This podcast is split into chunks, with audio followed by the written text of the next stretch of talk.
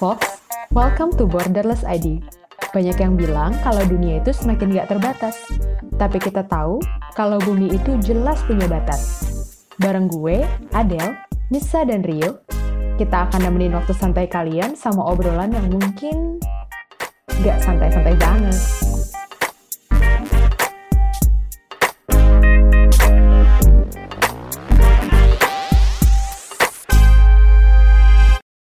Hai guys, balik lagi di Borderless ID. Sebelumnya mau ngucapin selamat Hari Pramuka. Pada aware nggak sih sebenarnya tanggal 14 Agustus itu ada Hari Pramuka? Kalian pada tahu juga nggak gua, sih? Jadi Gue keingetan aware sih sih. gue sama Hari Pramuka. Jadi inget masa-masa SD. sih. Soalnya ada di kalender. Dulu- kalender ya. Kayaknya dulu ngerayain Hari Pramuka itu pas SD, SMP, dan SMA udah ya udahlah yang yang ekskul pramuka doang. Terus kuliahan udah agak nggak aware. Terus sekarang lupa. Terus karena lu sebut jadi inget. Jadi ingat oke. Iya. Mumpung apa lagi inget nih ya masa-masa zaman SD, zaman pramuka. Em, hari ini kita mau bahas topik yang agak chill lah ya. Kebetulan gue juga lagi drain banget nih ngerjain disertasi mulu. Jadi mungkin kita bahasnya yang santai-santai aja ya guys ya. Mm-mm, Oke. Boleh. Uh, tapi sebelumnya gue mungkin mau bilang makasih dulu nih em, karena belum sempat bilang makasih buat teman-teman yang udah dengerin podcast kita, Uh, terutama mungkin yang udah ngikutin dari episode pertama. Semoga ada yang ngikutin dari pertama sampai sekarang. Harusnya ada sih. Harusnya Semoga. ada ya. Gue. Semoga. gue juga.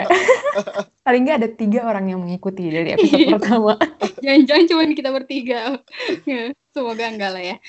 Karena kita juga nemu masukan-masukan, jadi sepertinya sih enggak ya. Dan kasih banget buat teman-teman yang udah ngasih komentar, masukan, terus yang udah ngasih respon. Kita senang banget terima semua komen dan respon kalian. Dan sebagai bentuk tanda kutip terima kasih kita, kita lagi nyiapin plan menarik nih buat podcast kita ke depan. Jadi kalau teman-teman penasaran, mungkin ditunggu aja update dari eh, Instagram kita. Jadi jangan lupa di follow borderless.id karena nanti tiap postingan pasti kita update di situ. Nah, eh, balik ke tadi topik soal seru-seruan nih. Jadi sebenarnya belakangan gue lagi kayak jenuh aja sih guys. Soalnya mungkin Kurang piknik. eh, iya kurang piknik, sumpah parah kayak Summer tapi nggak summer ya. Heeh. aduh, kan hawanya lagi summer ya. Terus gue lihat timeline di Instagram orang-orang pada jalan-jalan. Adele juga nih kan, parah banget. Terus kayak, terus gue kayak, aduh, Tambahan gue, orang-orang pada jalan-jalan, nikahan, bulan madu. aduh, Tetap ya. yang itu galunya beda, yang itu galunya Oh, beda. Beda. Oke, disimpan Beda. dulu dah. Nah, eh, iya terus gue jadi kayak, hmm, kapan ya nih gue eh, nemu waktu piknik lagi? Terus gue jadi kayak kepikiran, ngapain ya kalau nanti eh, gue udah kelar nih disertasi, kira-kira aktivitas apa yang menyenangkan gitu. Terus gue kepikiran aja tiba-tiba gitu, hmm, camping kayaknya menarik ya gitu. Nah, tapi pas gue cari-cari info soal camping, kok banyaknya ya tonggo foto-foto Orang jalan-jalan, orang kemah. Eh, bener ala-ala yang hits gitu lah gitu. Ya tapi terlepas dari itu ya, sebenarnya kalian sendiri ngerasa ide camping tuh, menurut kalian camping tuh sebagai kegiatan em, rekreasional gitu tuh penting gak sih? Atau ya itu terserah ke referensi masing-masing. Terus kalian sendiri ada pengalaman menarik nggak sih waktu camping? Mungkin ya kayaknya nih Adel nih sering banget nih camping. Coba dong share ceritanya. Oke, kalau pertanyaan pertama penting apa enggak? Waduh ini kayaknya gue jawab personal aja kali ya. Kalau misalnya buat gue pribadi sih camping udah jadi bagian dari hobi gue. Nah, tapi kalau misalnya buat secara general gue ngelihatnya sih ini kayak reconnecting people sama nature. Jadi kayak misalnya kita yang udah sehari-harinya capek di perkotaan, kerja, tiap hari macet, ya kan kita udah nggak deket banget tuh sama alam. Akhirnya kita juga nggak peduli sama apa yang terjadi di alam-alam sekitar kita. Nah menurut gue penting juga sih ketika kita punya waktu camping tuh bisa bantu kita buat nggak cuman nge-refresh otak kita dari kepenatan kehidupan kita sehari-hari, tapi juga uh, menghubungkan kita sama alam kita. Jadi kayak lebih mengenal biodiversity atau lebih mengenal um, ekosistem-ekosistem yang ada di hutan atau apa pun itu. Sama ini Del, menghirup udara segar. Iya, bener. Bener. Soalnya udah sangat berpolusi ya di Jakarta. Kok di Jakarta lagi sih? Di Jakarta lagi sih enggak, di- soalnya di ruang kelas atau di tempat kerja. Iya. Bener, Iya, oke. tapi nggak apa-apa. Eh, kita memang selalu gitu, nyelip-nyelipin promosi. Episode 4 jangan lupa dicek ya. iya benar. Nah, terus kalau misalnya ngomongin soal pengalaman, pas banget ya hari pramuka. Gue ini adalah salah satu tim pramuka waktu gue di SMP. Hmm. Gue dulu regu Sakura. Wih, gila. Asik. Dari Kenapa namanya selalu nama kembang-kembangan ya? iya kalau cewek nama kembang, kalau cowok Iya. nama hewan. Nama hewan. Padahal perempuan Dulu gue- emang nggak boleh gitu, macan gitu. Eh, boleh aja sih kalau mau berkamuflase kali ya. Iya ya, apa ya yang bikin kenapa laki-laki itu binatang, terus perempuan flora. Hmm. Kenapa nggak tahu? Eh, enggak Apa enggak juga flora sih. gitu? Apa ya? Padahal pramukanya sendiri kelapa, cuy. jadi jadi ngalur ngidul ya. Oke, Balik oke, lagi, balik lagi. tuh, balik lagi. deh. Pengalaman, Ya. Oke, jadi kayak gue waktu semenjak gue SMP, gue tuh nggak pernah bolos yang namanya camping. Karena pramuka gue aktif, jadi kayak hampir setiap bulan kita tuh ikutan lomba. Dan Hmm. kita sempat jadi kayak semacam tanda kutip ambasadornya kota Bekasi lah, wede. Widih. Widih. Dulu gue hitam, dekil, wah udah deh, nggak bisa Kebayang. dideskripsikan. Cuman kan ini kan kayak campingnya lebih ke camping fun kali ya, nggak Di kayak lapangan. Ini nggak sih? pernah sih di, pernah sih di lapangan sedih juga ya kalau dipikirin Di ya. lapangan. Beneran Eh, loh gue pernah. Eh, gue dulu pas SD camping di depan lapangan kan lapangan bola luas banget ya. Nah itu kita Hmm. pasang tenda, terus habis itu masak. Diliatin dong sama warga, dikelilingin kayak jadi tontonan. Apa banget? Camping apaan jadi tontonan? Lah kan Iya, gue lihat anak-anak lucu banget bangun tenda, terus masak-masak, masakannya Oh, enak lah iya. ya gitu. Kalau gue isinya ibu-ibu sama bapak-bapak ngeliatin anaknya pada camping. Jadi Iya. kalau misalnya apa ya pelantikan terus kayak LDKS dulu. Oh iya, LDKS bener-bener bener. Udah tuh, itu kan pasti pada camping-camping. Nah, tapi gue waktu sampai gue SMA dan juga kuliah, gue masih tetap aktif sih di pramuka gue. Kayak kita punya namanya Ambalan, itu kayak timnya alumni-alumni. Jadi kita masih kadang sering ikutan camping kalau anak-anak penggalangnya pada lagi lomba atau lagi camping. Nah, terus kayak semenjak gue kuliah, gue masuk ke GMC kan, Geographical Mountaineering Club. Ya, Hmm. kalian pada tahu lah ya. It took me almost a year buat jadi calon anggota sampai gue jadi anggota klub pendakiannya GMC ini. Itu kayak selama satu tahun, ya kurang lebih ya.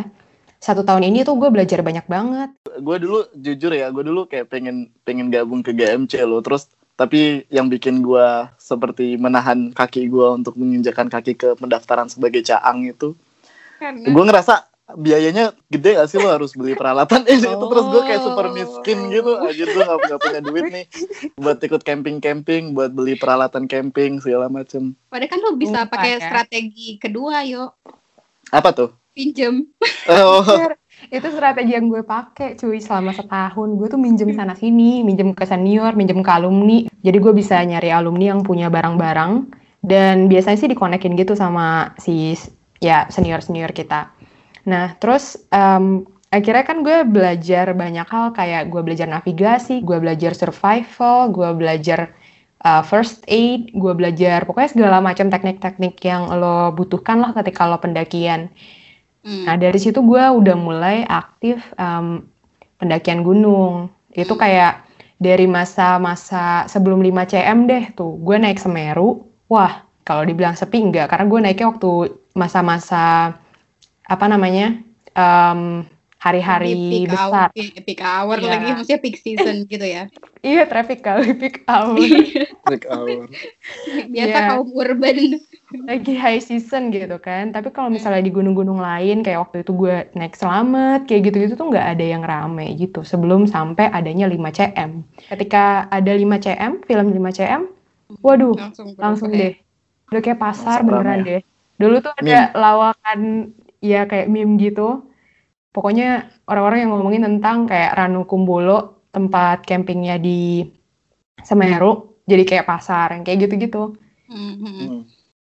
Jadi ya sampai sekarang pun gue sekolah di Sweden, gue pikir juga gue masih sering camping sih. Terakhir gue camping di Norway. Wih, bikin iri Dari- aja lo. Dari Semeru ke Norway ya. Nah kalau lu yo gimana yo? Ada pengalaman unik gak waktu camping selain ditontonin ibu-ibu? Jujur gue sebenarnya jarang camping, jadi biasanya kalau gue camping tuh berkesan banget guys. Nah, Hmm. Biasanya sih pas lagi ada acara misalnya jambore atau lagi hari pramuka, itu memang camping sama teman sekolah ya. Dan Mm-mm. pas kita dulu di kampus juga kita kayaknya camping gak sih Cang apa National Leadership Camp kayak gitu-gitu kan. Hmm, Nah. itu kan camping ala-ala ya. Iya, tapi juga camping kan. Tetap ya judulnya camping. Iya, nah terus tapi gue ngerasa kayak dulu itu dari camping eh, cuma ngabisin waktu sama temen doang. Tapi pas di sini gue camping eh, berkesan gak cuma karena ngabisin waktu sama temen, tapi gue kayak ngerasain ada apa sih namanya ada sisi positif kayak bener-bener oh ada makna lain loh yang sebenarnya bisa didapat dari camping ini. Kayak misalnya ya kayak ngebangun lagi gitu kayak jiwa ingin bereksplorasi berpetualang yang selama ini mungkin eh, nggak begitu gue pikirin gitu kan. Tapi dan gue takut ngambil resiko tapi karena camping dan itu di tempat asing gitu di US gue cobain buat camping terus gue harus eh, riset karena cari campgroundnya di mana itu campground di tempat yang bagus atau enggak. Karena misalnya datang ke sana ternyata tutup atau datang ke sana ternyata misalnya campgroundnya bukan yang bagus. Kan agak nyesel kan karena lo udah ngabisin duit buat reservasinya terus ngabisin waktu buat datang ke sana ngabisin energi buat misalnya ngebangun itu dan segala macam nah gue terakhir camping itu pas winter kemarin guys. Sebelum Uh, Natal. winter. Seberapa dingin tuh, Kak? minus. Nah jadi gue ke taman nasional namanya Great Smoky Mountain. Dan Hmm. itu gue seamatir itu cuy. Kayak gue dateng kayak kemalaman. Mhm. gara-gara pas mau dalam perjalanan tuh kena tilang sama polisi. Jadi kayak apa teman gue teman gue yang nyopir itu kayak udah capek nggak capek sih tapi kita lagi ngobrol kurang konsentrasi kali ya jadi diterabas. Nah ka- kalau di sini kalau kena tiket kan agak berat kan mahal. Jadi kayak kita berdebat dulu sama officernya dan, dan akhirnya telat dan nyampe ke sana kemalaman. Nah di US ini kan kalau udah ngomongin national park ngomongin area camping itu wildlife itu benar-benar eh, ya berada di sekitar kita gitu. Jadi beruang coy lo bayangin kalau tiba-tiba kita eh, diserang beruang gimana kan Hmm. Wah, Nah. gila. Wah. Iya, jadi seru juga sih kalau bisa ketemu tapi jangan terlalu dekat. Nah, jadi pas pas itu winter itu udah dingin banget. Nah, kita pasang tenda terus malam-malam itu teman gue yang dari Jepang itu coba bikin campfire cuy. Nah, kita nggak persiapan dong karena kita nggak nggak punya kayu. Nah, jadi kalau di US lo nggak boleh bawa kayu sembarangan. Lo harus bawa kayu yang udah certified atau ngumpulin kayu di Taman Nasional itu. Alasannya apa? Karena kalau bawa kayu sembarangan dari luar, pas dibakar nanti ada pest yang bisa uh, ngeinvasi pohon-pohon di Taman Nasional itu, terus bisa ngerusak lah atau bisa bikin ya ekosistemnya jadi nggak balance segala macam. Hmm, hmm, hmm. Nah, kita waktu itu kayak gue kepikiran aduh beli nih, beli deh kayaknya eh jangan deh 10 dolar, 15 dolar sayang kata gue. Aduh, Tetap ya. tetap Harus ya harus cari Ekonomis. ekonomis bener. Nah, terus eh, ya udah akhirnya ngumpulin kayu pas nyampe di campground itu basah dong kan lagi winter kan, jadi lembab. Nah, Hmm. kita kayak ngabisin berjam-jam buat nyalain campfire nggak nggak hidup-hidup memang amatiran Nyala. sih. Akhirnya gue menyerah daripada gue ngabisin waktu buat bikin api unggun, mendingan gue bikin teman. Nah, gue datang Gimana aja tuh ke bikin teman? bikin teman cuy. Jadi gue Ini, ngedatengin ini berujungnya gak tips bikin teman. Alat trio trio jadi jadi lo kalau udah menyerah bikin api unggun gak sukses lo cari api unggun yang lain terus tuh Oh. ya udah terus seru aja sih karena akhirnya kenalan sama dia oh ternyata dia habis dari Bali terus pacarnya orang Australia terus mereka kayak jalan-jalannya di Indonesia segala macem terus Hmm. ternyata kenal dan dia ngasih tips oh mana aja nih trail buat hiking yang bagus terus yang dia nggak terlalu capek terus sebelum ke situ mampir ke mana yang harus didatengin segala macem jadi kayak gue jadi lebih tahu Oke, Nah. nice, Iya. nice. Tapi mungkin ini ya itu winter ya kalian bayangin pas kita di dalam siap tidur tuh sekitar jam 11-an jam 12 itu dinginnya minta ampun coy gue udah udah pakai layer pakai sleeping bag selimut layer berlayer layer itu masih dingin sampai ke tulang kan nah temen gue tuh sampai nggak bisa tidur dong Hmm. nah iya pas pasti gak bisa tidur sih kalau dingin. Iya. Sih. terus ya udah jadi di situ kan nggak ada nggak ada colokan listrik kan jadi colokannya cuma di WC nah pas pagi-pagi banget gue udah nggak tidur. sanggup. Gue udah gak sanggup banget gue ke WC dah. Anget banget di WC coy. Baru gue mau bilang lu gak di WC kan. kagak jadi gue bawa rice cooker cuy buat camping. Terus gue masak mie di rice cooker. Enak. Iya iya iya. sumpah lo bang. Jadi gue makannya ini balik. ilmu survival yang sesungguhnya gitu ya. Iya Iya, cuma harus bisa adaptasi, guys. iya Oke oke. tapi tapi pas pas paginya kan kita kan gulung apa gulung tenda tuh pas gulung tenda baru sadar cuy eh, tendanya udah di cover sama es Uh. jadi dan gua air, baru air sadar- udah jadi es. Udah jadi es udah keras gitu tenda gua pantes aja dingin banget bisa jadi di dalam itu lebih dingin daripada di luar udah kayak kulkas Tiba-tiba pas lo keluar udah jadi ice cave. iya Eh, Anjir, bersyukur deh nggak sakit cuy Lu ngapain capek-capek ngecamp kayak gitu? Lu masuk aja di kulkas camping di kulkas. Oke oke. Tapi Menarik, tapi serius sih pengalaman camping tuh gila udah mulai dari ada pengalaman mistis sampai ketemu babi Hmm. bahkan wah gila sih itu Babi, sam- bahkan sampai babi ya, bukan babi dalam bentuk orang bukan. oh, bukan Bukan. untungnya Serem, ya serem. apalagi babi ngepet bukan eh anjir apa yang mau babi diapetin itu. coba itu parah banget babinya tuh kayak nyeruduk tenda orang gitu alhamdulillah bukan tenda gue ya tapi tetap aja itu kayak literally serem sih karena babinya udah nyeruduk tenda orang yang diambil Indomie tapi isinya doang isinya Hmm. bukannya mie-nya tapi bumbunya cuy kecap sama bumbu asin-asinnya doang aduh gila Anjir babi dia mau bikin babi guling dia sendiri dia mau Iya. diri dia sendiri Itu Nah. ini ya, dia eh, dia ini ya prideful ya, selektif gitu buat ngambil tahu makanan. gitu Iya. mencari Nah, kalau di- Iya, kalau kalau di US itu nggak boleh cuy jadi food safety itu penting banget lo bahkan nggak boleh nyimpen makanan yang terbuka toiletries dan sebagainya di dalam mobil apalagi di dalam tenda gitu. Kayak ada tempat tersendiri buat nyimpen itu. Karena ya itu kayak beruang terus binatang buas lainnya. Mereka kan ke attract ya sama Hmm. barang-barang kayak gitu terus makanan. Jadi mereka nanti bisa ngambil dan kita bisa kena keserang juga. Atau simply kalau mereka terbiasa nanti kan jadi nggak wild ya. Terus Mm. kalau mereka nggak Mm-mm. wild kalau lo kasih makan terus mereka terbiasa dikasih makan mereka bakal dibunuh cuy Mm, mm, mm, mm. Oke, Iya, hmm. ini menarik banget sih kayak pengalaman apa dari mulai tadi eh, bahas eh, hal-hal yang unik gitu kan, terus kejutan-kejutan selama camping lah, terus eh, challenge-nya gitu-gitu. Nah, tapi sebelumnya gue eh, penasaran sih, eh, sebenarnya kalau menurut kalian tuh ada nggak sih sebenarnya kayak eh, tempat sama waktu ideal buat camping gitu? I mean, kan tadi pertimbangannya banyak kan safety kita, Hmm. mungkin safety apa makhluk hidup lainnya juga yang tinggal di situ, atau mungkin juga buat kepentingan apa alam atau lingkungan di sekitar eh, tempat campingnya terus gimana cara mereka biar bisa maintain kualitas lingkungannya juga gitu nah eh, ada nggak sih sebenarnya kayak kriteria khusus gitu buat kita pilih tempat camping sama waktunya. Jangan sampai kayak tadi kan misalnya Trimono pas winter gitu kan bener-bener freezing gitu. Gimana gimana? Tapi gue nggak sendirian banyak yang lain. Nah kalau kalau di US itu gampang sih karena kan biasanya fasilitasnya sudah ada jadi udah ada campgroundnya. Tinggal lo Hmm. milih misalnya back country atau front country. Kalau back country kan yang lebih primitif biasanya masuk lebih ke dalam atau yang dia di depannya yang udah ada areanya biasanya ada colokan listriknya ada fasilitas buat mandi buat laundry ada store-nya oh bahkan macam. ada buat laundry ya ada ada dan tapi harus bayar nggak sih bayar mandi juga bayar cuy pakai koin jadi Iya. misalnya quarter dolar kayak dua menit Hmm. iya bener apa bener sih yang bahkan bayar di Iceland kemarin gue.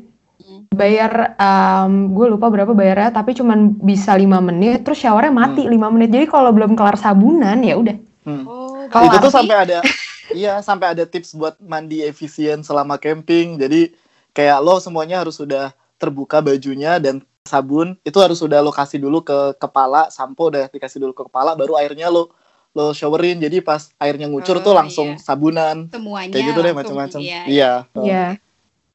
nah tapi ada juga kan misalnya lo bisa camping di tempat yang mungkin lo nggak perlu reservasi campground atau simply nggak bayar lah gratis karena kalau di campground itu lo bayar antara ke national park national parknya atau ke state park atau ke yang lain gitu kayak pasang tenda Mm-mm. aja gitu. Nah kalau di situ kan perlu diperhatikan juga sih aspek-aspek lingkungannya di situ karena misalnya lo sembarangan camping ternyata dia nggak aman atau ternyata dia di situ bisa ngerusak ekosistem. Nah mungkin nah gue nggak banyak pengalaman di situ karena pengalaman gue camping di tempat yang sudah tersedia. Mungkin ada bisa Kalau misalnya di mana pertanyaannya bener sih kata Trimono tadi kan ada yang dibilang sebagai camping fun. Nih gue nyebutnya camping fun ya. Jadi kayak misalnya ketika kita camping ya udah udah tersedia aja fasilitas-fasilitasnya. Cuman kalau misalnya di European biasanya emang ini uh, berbayar kan. Jadi kayak komersialisasi area camping gitu. Jadi lo bayar buat um, fasilitas kitchennya atau kadang ada yang punya apa namanya ruang makan yang kayak gitu kayak gitu. Uh, dan bahkan kayak buat ngakses listrik aja juga bayar. Nah biasanya ini kayak barengan sama karavan atau um, RV, RV, Hmm. RV Iya. car, ya. Mm-mm, mm-mm. Tapi ada juga yang wild camping kan. Tadi kalau misalnya Trimono udah ngobrolin tentang uh, camping fun, um, nggak beda jauh di European juga begitu. Nah mungkin kalau di Indonesia gue bisa bilang lebih kayak sebenarnya keduanya Primitive ada camping sih. sih? Primitive camping, Primitif. stone. Wah, dari mana standar primitif sama nggak primitifnya ya? Kalau kalau di sini primitive camping itu dia eh, kendaraan nggak dibawa masuk ke area camping, terus nggak ada Oh, listrik, nggak ada electricity hookup, terus biasanya toiletnya terbatas, nggak nggak bisa mandi, lo cuma flush toilet, terus Oh, biasanya nggak ada nggak ada visitor centernya, jadi memang panggilannya primitif ya. Hmm. Oke. Kalau pakai batu coy nyalain apinya pakai kayu di apa lo primitif? Kayak tungku gitu kan ya. Oh, iya kalau di sini nyebutnya wild camping ya kalau di Indonesia kan cenderungnya orang-orang camping uh, di daerah-daerah taman nasional ya atau Hmm. misalnya emang di area-area yang udah designated buat area camping tapi biasanya sih ini dikelolanya sama pemerintah tapi ada juga sih beberapa daerah yang dikelola sama private kayak di Bandung kayaknya ada beberapa campsite yang diolah sama private nggak sih Apa? Ya ada ada ada namanya tapi lupa. Pokoknya Yang kayak sama- glamping, sama glamping, yang kayak gitu-gitu loh. Um, terus ya, jadi kalau Ranca-ranca apa gitu, gue lupa deh namanya. ranca-ranca. Rancabana. Ya kalau misalnya wild camping ya, mungkin kita harus lebih mempertimbangkan safety. Jadi ketika kita milih di mananya, kalau misalnya konteksnya konteks Indonesia, ya kita harus mikirin safety-nya kita. Kan kita mau ngedirin tenda, artinya satu lahan tersebut memang bisa untuk mendirikan tenda dan memang aman gitu loh. Nggak yang kayak kita naruh di pinggir tebing. Ya kalau angin kenceng, terbang dong kegeser. Penting Atau kalau terbang, yang terbang cuma tendanya. Atau lo orang-orang. atau lo sleepwalking gitu coy, terus tiba-tiba jalan ter Oh, terjun ke iya. bisa jadi sih. Ya, terus kalau misalnya kayak gitu ya harus aware sama lahannya, apakah lahannya datar, terus apakah lahan tersebut mengganggu biodiversity yang ada di sekitarnya. Masa iya lo ngebabat-babat tanaman-tanaman yang ada buat ngedirin tenda? Well, kalau misalnya emang itu tujuannya buat survival, kayak misalnya emang udah kepepet banget, aduh gue nyasar, atau aduh gue salah tempat buat ngecamp atau gimana atau kayak oh temen gue sakit akhirnya gue butuh bikin bivak. Bivak itu tenda darurat. Nah ya udah kalau kayak gitu mungkin bisa ya bisa dipertimbangkan lah. Tapi kalau misalnya memang kita punya kesempatan untuk memilih tempat ya kita harus nyari tempat yang memang aman eh, dan nggak mengganggu ekosistem yang ada kayak gitu. Itu kayak kalau wild camping sebenarnya sih menurut gue ya lebih baik untuk camping di tempat yang sudah disediakan. Jadi kalau misalnya di jalur pendakian ada area campingnya misalnya kayak di Taman Nasional Gunung Gede Pangrango gitu kan ada kandang badak, ada kandang batu, ada surya kencana. Ya udah campingnya di designated area aja, area-area yang udah ditentukan buat camping gitu. jangan di area lain karena artinya ketika kita ketika kita pakai lahan lain yang bukan area yang udah dipakai buat camping kan artinya sama kayak case yang gue sebutin tadi di awal gitu kan apalagi kalau misalnya nanti lo spill oil atau apa pun itu kayak misalnya nggak sengaja numpahin liquid-liquid yang lo pakai buat bikin makanan gitu ya itu kan artinya mencemari area baru ya. Jadi ya lebih baik buat pakai area-area yang sudah disediakan. Tapi gue jadi keinget deh, gue terakhir uh, camping itu pas di Indonesia tahun berapa ya. Pokoknya pas gue lagi di Sulawesi Barat itu gue sama teman-teman gue camping ke tempat yang memang dia bukan bukan seperti tempat yang biasa dikunjungin gitu. Kayak kayak cuma gunung di sekitar kampung aja. Jadi kita pas tinggal di kampung ya mau mau camping ke sana gitu. Jadi mau nggak mau buka buka tempat baru. Jadi ngebabatin ilalang. Terus habis itu uh, ngebabatin ilalang terus pasang tenda segala macam nah kalau di tempat yang memang dia itu nggak populer dan nggak tersedia fasilitas mau nggak mau harus kayak gitu itu pendapat lu gimana Del? Kayak yang tadi sih menurut gue perlu dipertimbangkan kalau misalnya memang kita membutuhkan space buat kita tinggal dan bermalam dan kita udah nggak punya opsi lain ya usahakan cari tempat-tempat yang emang udah secara natural terbuka kayak gitu. Menurut gue sih yeah. kayak iya. gitu ya. Tapi juga harus aware sih karena kalau misalnya di beberapa taman nasional nih, misalnya let's say kayak di Gunung Kerinci itu kan dia punya kayak punya alert gitu bahaya sama harimau Sumatera. Hmm. Nah, yang kayak gitu kayak gitu kan lo juga nggak bisa sembarangan dong kalau misalnya lo mau camping, tiba-tiba lo camping di um, treknya harimau, waduh, gimana tuh? Treknya gajah ya? injek. Gak apa-apa, ketemu ya. teman lama, kan gitu. eh, nanti. Oke, oke, menarik nih ya. Um, tapi, tapi tadi kan hmm. pertanyaannya kapan juga kan ya? Iya, iya. Nah, terus kalau misalnya menurut gue, kalau pertanyaannya tentang kapan waktu camping yang paling oke okay, di Indonesia, hmm. jelas pas musim kering. Karena kebanyakan taman nasional tutup pas musim hujan. Hmm. Jadi kayak misalnya di Taman Nasional Gunung Gede Pangrango tadi, itu tuh tutup biasanya, seingat gue ya, akhir tahun sampai sekitar bulan April. Bulan April tuh baru buka lagi, nah terus baru orang-orang boleh camping.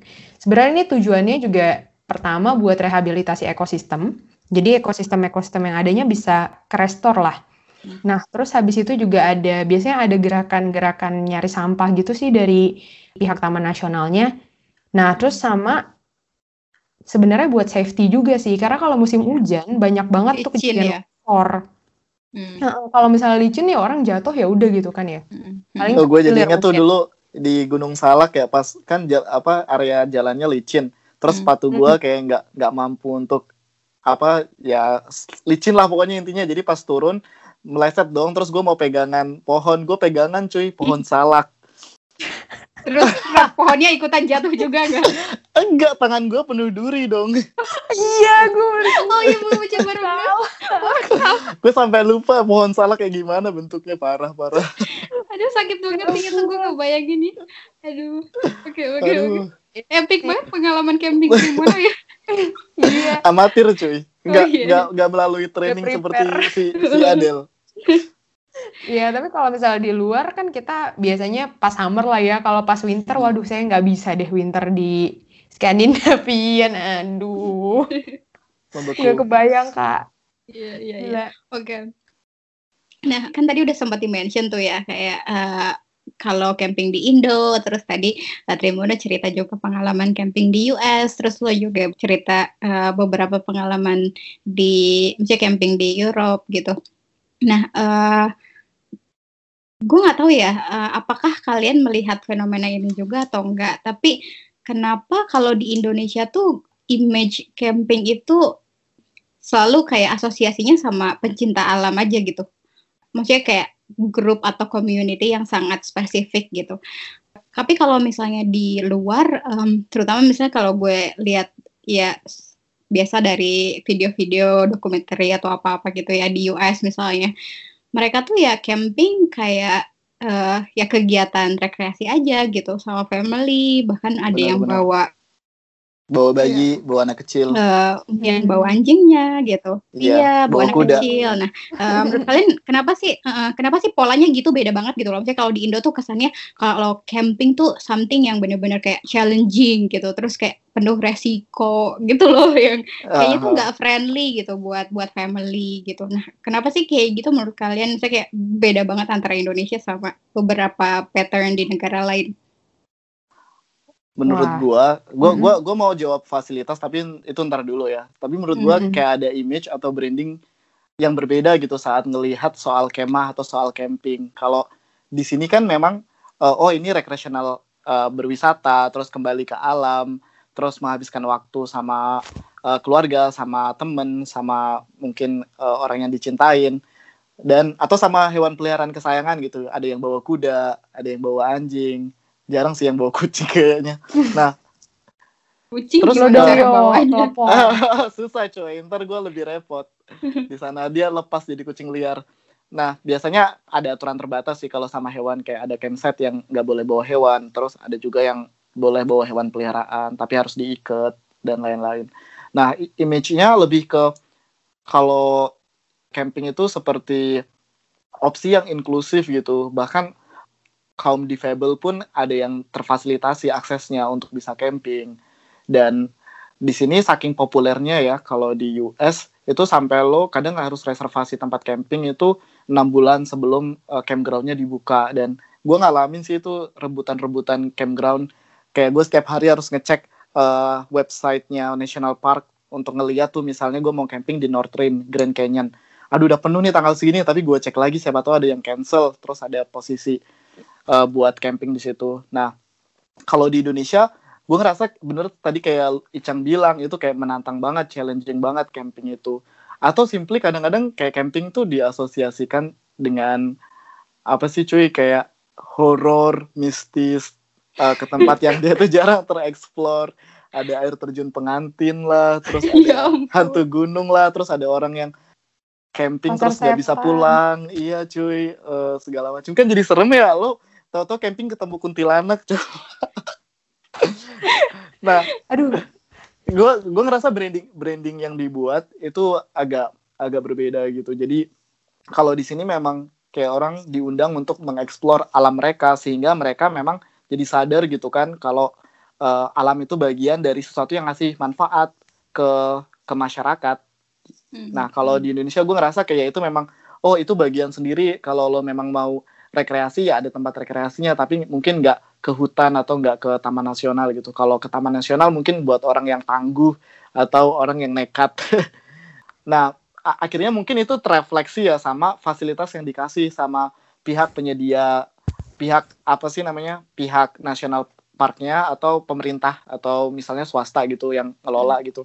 Akhirnya ya mereka mungkin ya memang nyediain fasilitasnya buat orang yang memang cari tantangan kayak nggak kurang fasilitas toilet misalnya nggak ada tempat mandi. Mandi di sungai aja lah ribet banget dikasih tempat mandi misalnya Nggak di sungai.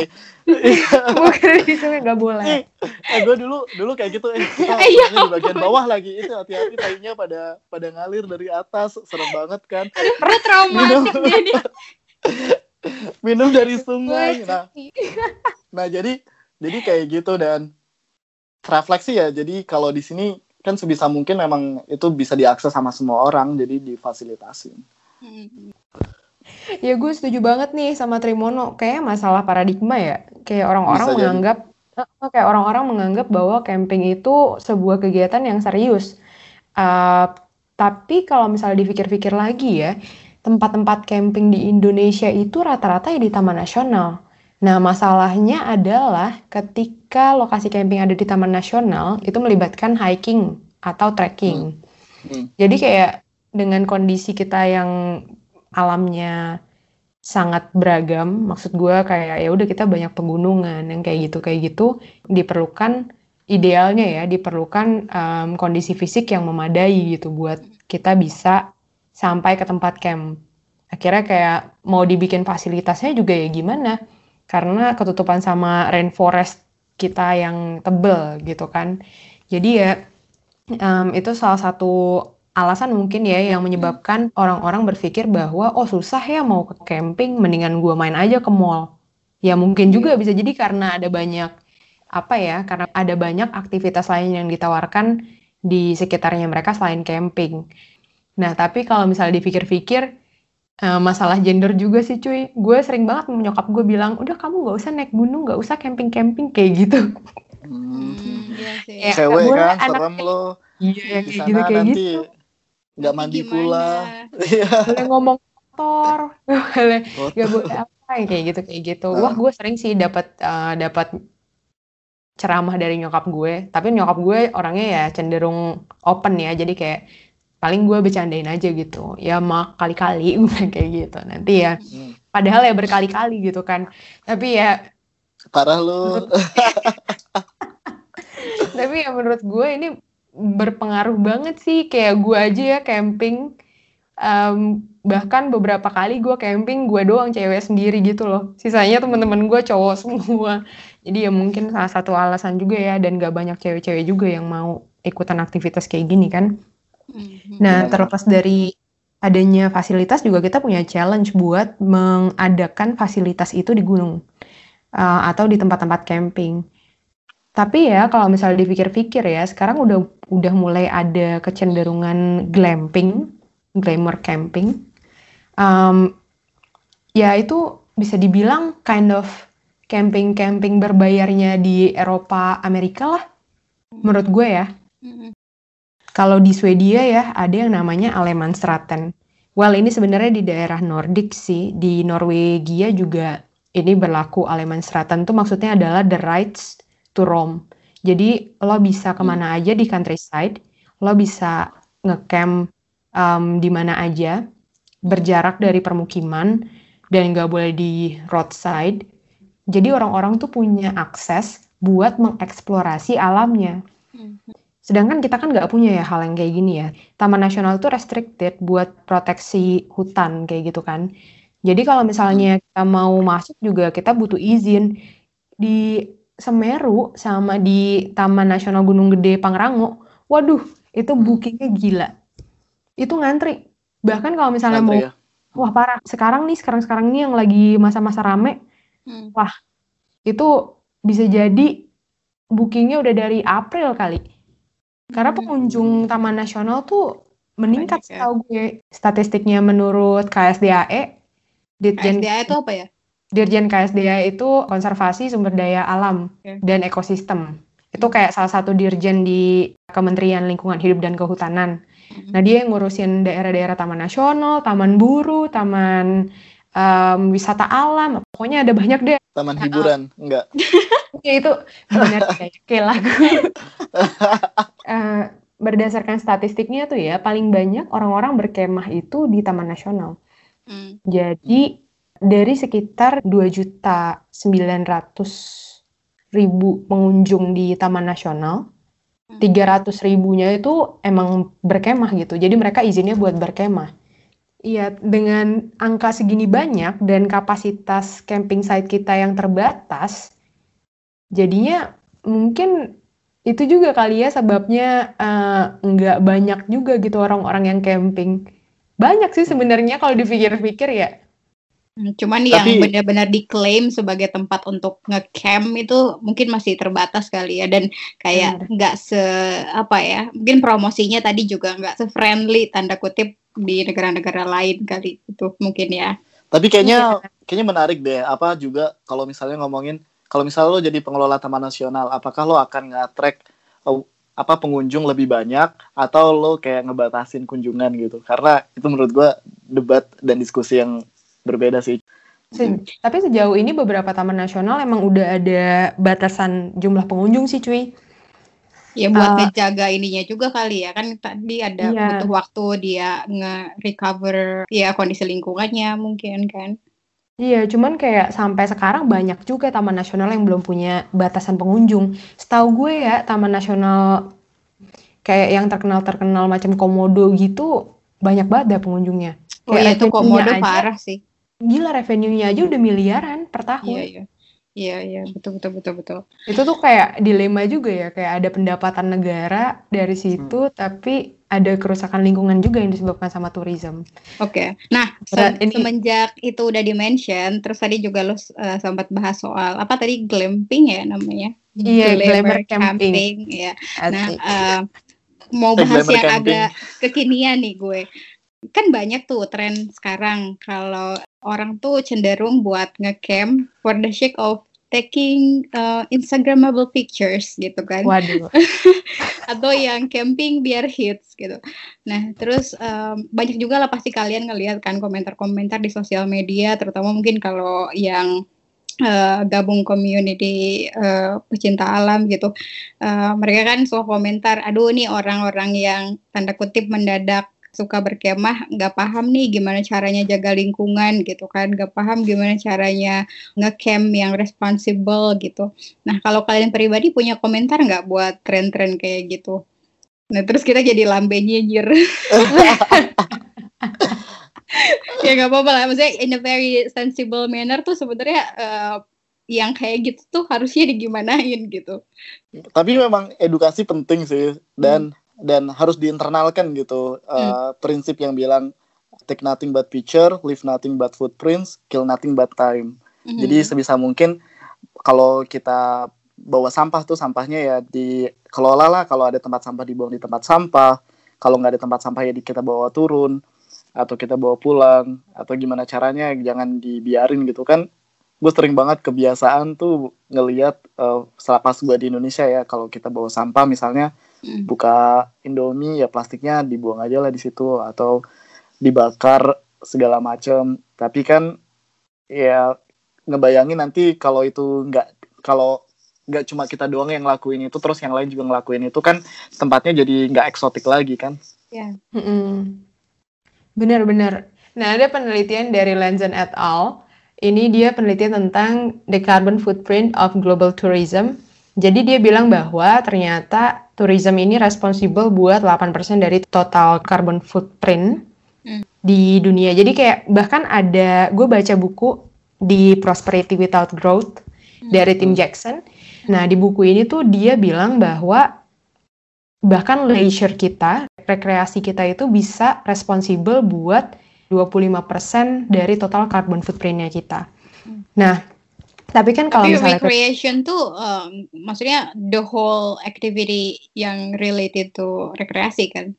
Iya, jadi kayak segala macam bentuk Enggak, maksudnya enggak terbatas campingnya doang nih berarti ya? Enggak, enggak. Itu termasuk kayak misalnya lo main ke satu daerah, terus ada transportasinya, ada apa sih foodnya yang kayak gitu kayak gitu. Jadi kayak kompleks gitu sih. Enggak terbatas di camping. Tapi kan kalau camping kan kita biasanya cenderung less energy used ya. Hmm. Amin kita nggak terlalu banyak mengeluarkan energi kayak sehari-hari kita biasanya gitu. Kita butuh lampu lah, kita apa? Karena kan kita ada di alam, jadi ya udah gitu. Eh, nggak terlalu banyak energi yang terbuang.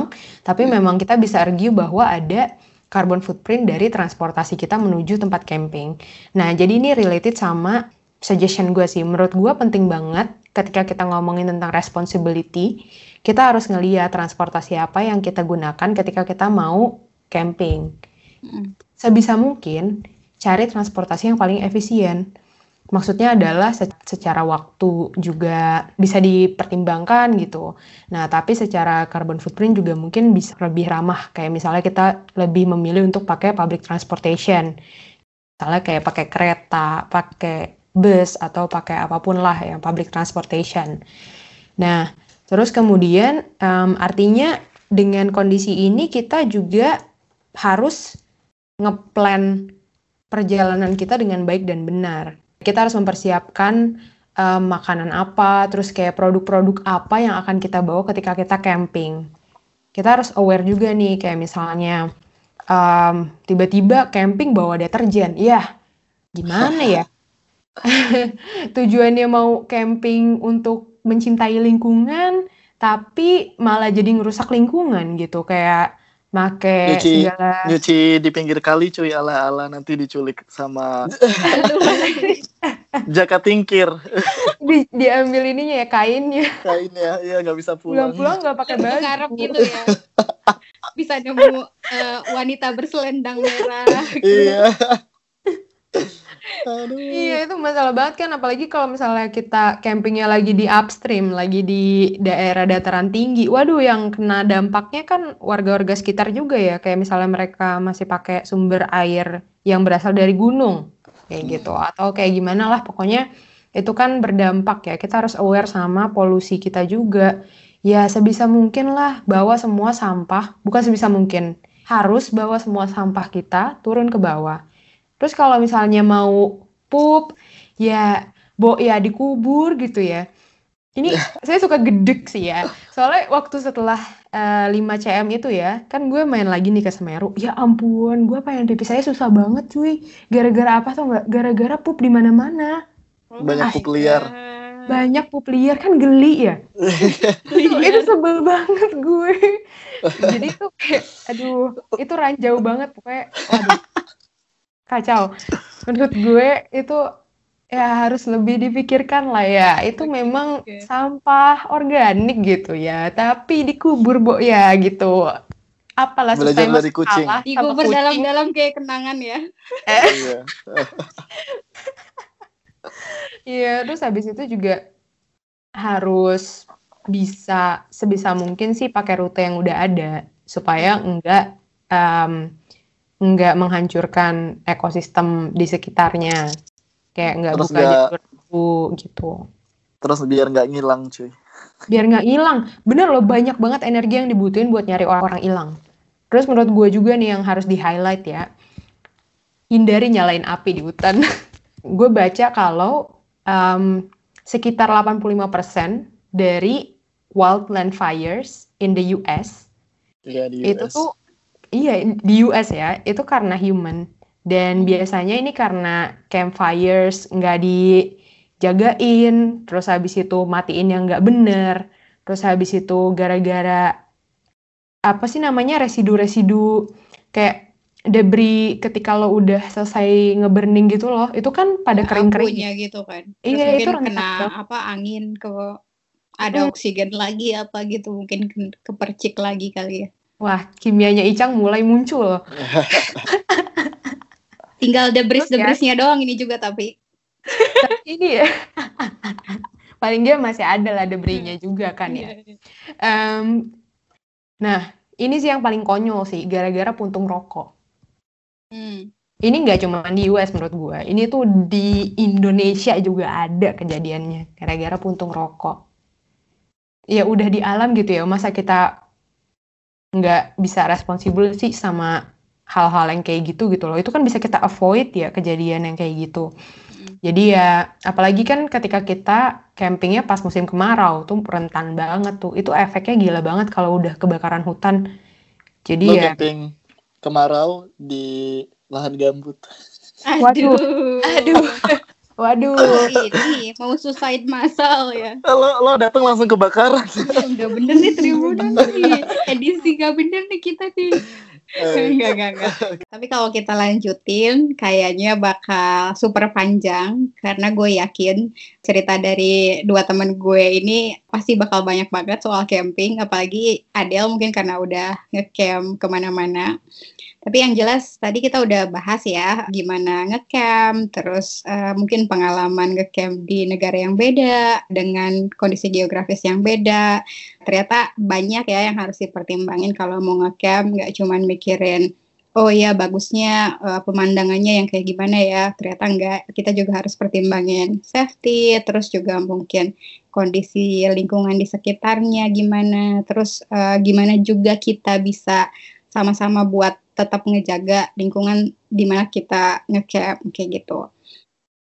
Ya, jadi mungkin eh, buat kita semua, terutama gue gitu ya, ntar kalau misalnya ngecamp mungkin harus lebih aware kayak eh, tempat ngecampnya tuh kayak gimana, lingkungannya kayak gimana, ada makhluk hidup apa aja mungkin yang eh, tinggal di sekitar itu, dan harus lebih responsibel juga dengan barang yang dibawa dan barang yang dibawa pulang gitu ya. Jangan sampai meninggalkan sampah-sampah dan lain-lain. Atau jangan sampai meninggalkan tulisan ala-ala gitu. I was here. ala-ala anak alay banget ya. ya Terus pasang gitu nomor aja. HP cuy. Oh my god. Call me baby. Oh, Oke oke guys, sekarang gue ke pertanyaan terakhir aja kali ya. Um, gue mau nanya sama lo yo, sama lo juga Del. Kalau misalnya nih gue ingin camping dan gue cuman punya satu kali kesempatan lagi buat camping, kalian punya saran nggak gue baiknya camping di mana? Oke, em, kalau cuma satu tempat susah juga ya, Yo. Susah Em, banget. Tapi gue punya satu tempat yang gue pengen banget datengin dari zaman tahun 2012 gitu. Apa? Nah, tepatnya itu di Segara Anak, Gunung Rinjani. Hmm, Jadi suasananya lo camping, terus ada landscape bukit-bukit, terus ada danaunya di depannya. Menurut gue itu the best sih. Oke oke Wes. oke, gue take a note deh, Rinjani. Kalau lu yo, Apa ya susah cang. Gua ngikut Adel aja deh Rinjani. jangan bilang lapangan dilihat ibu. Iya gua mau bilang itu lo lapangan aja di Bandung ditontonin sama emak sekali seumur hidup. Udah itu aja. Serius sih itu. Iya udah itu aja cuy.